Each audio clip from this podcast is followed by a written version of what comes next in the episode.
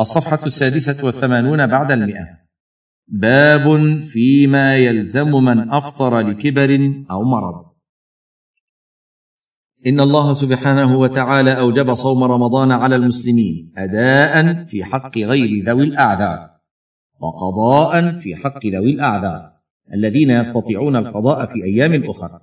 وهناك صنف ثالث لا يستطيعون الصيام أداء ولا قضاء. كالكبير الهرم والمريض الذي لا يرجى برؤه.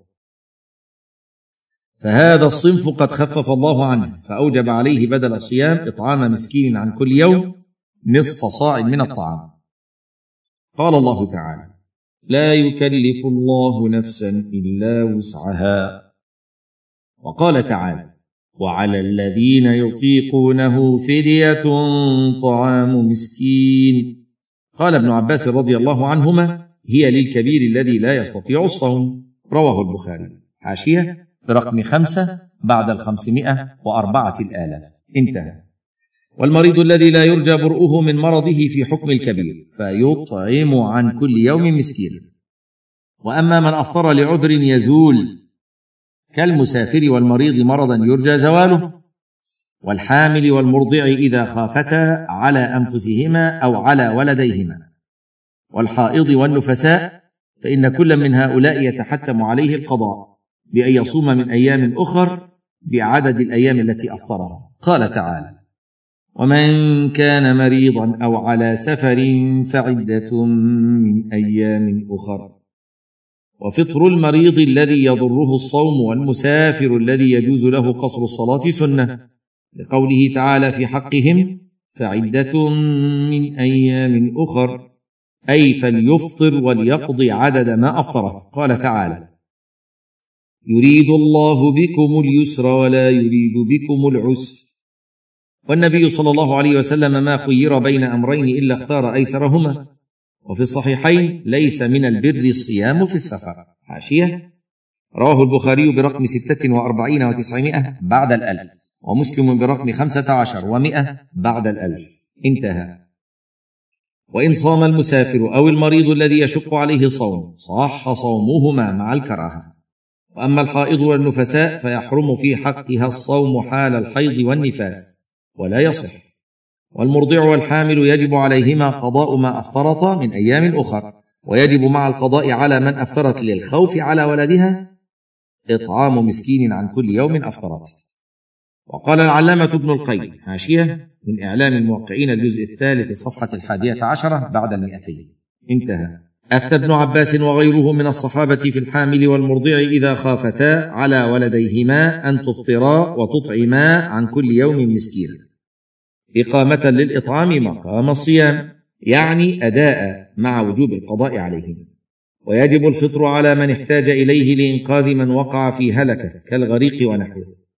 وقال ابن القيم وأسباب الفطر أربعة السفر والمرض والحيض والخوف من هلاك من يخشى عليه الهلاك بالصوم كالمرضع والحامل ومثله مسألة الغريق. الصفحة السابعة والثمانون والمئة. حاشية. بدائع الفوائد في الجزء الرابع الصفحة السادسة والأربعين بعد الثمانمائة. انتهى. ويجب على المسلم تعيين نية الصوم الواجب من الليل كصوم رمضان وصوم الكفارة وصوم النذر بأن يعتقد أنه يصوم من رمضان أو قضائه أو يصوم نذرا أو كفارة لقوله صلى الله عليه وسلم إنما الأعمال بالنيات وإنما لكل امرئ ما نوى. حاشية؟ رواه البخاري برقم واحد ومسلم برقم سبعة بعد التسعمائة والألف. انتهى.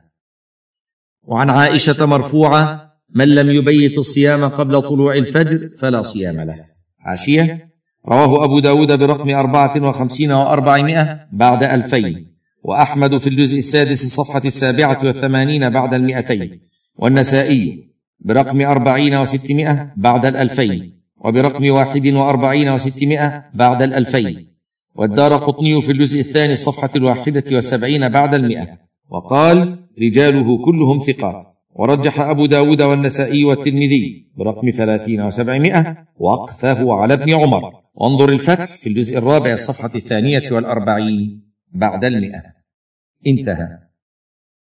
فيجب أن ينوي الصوم الواجب في الليل فمن نوى الصوم من النهار كمن أصبح ولم يطعم شيئا بعد طلوع الفجر ثم نوى الصيام لم يجزئه إلا في التطوع.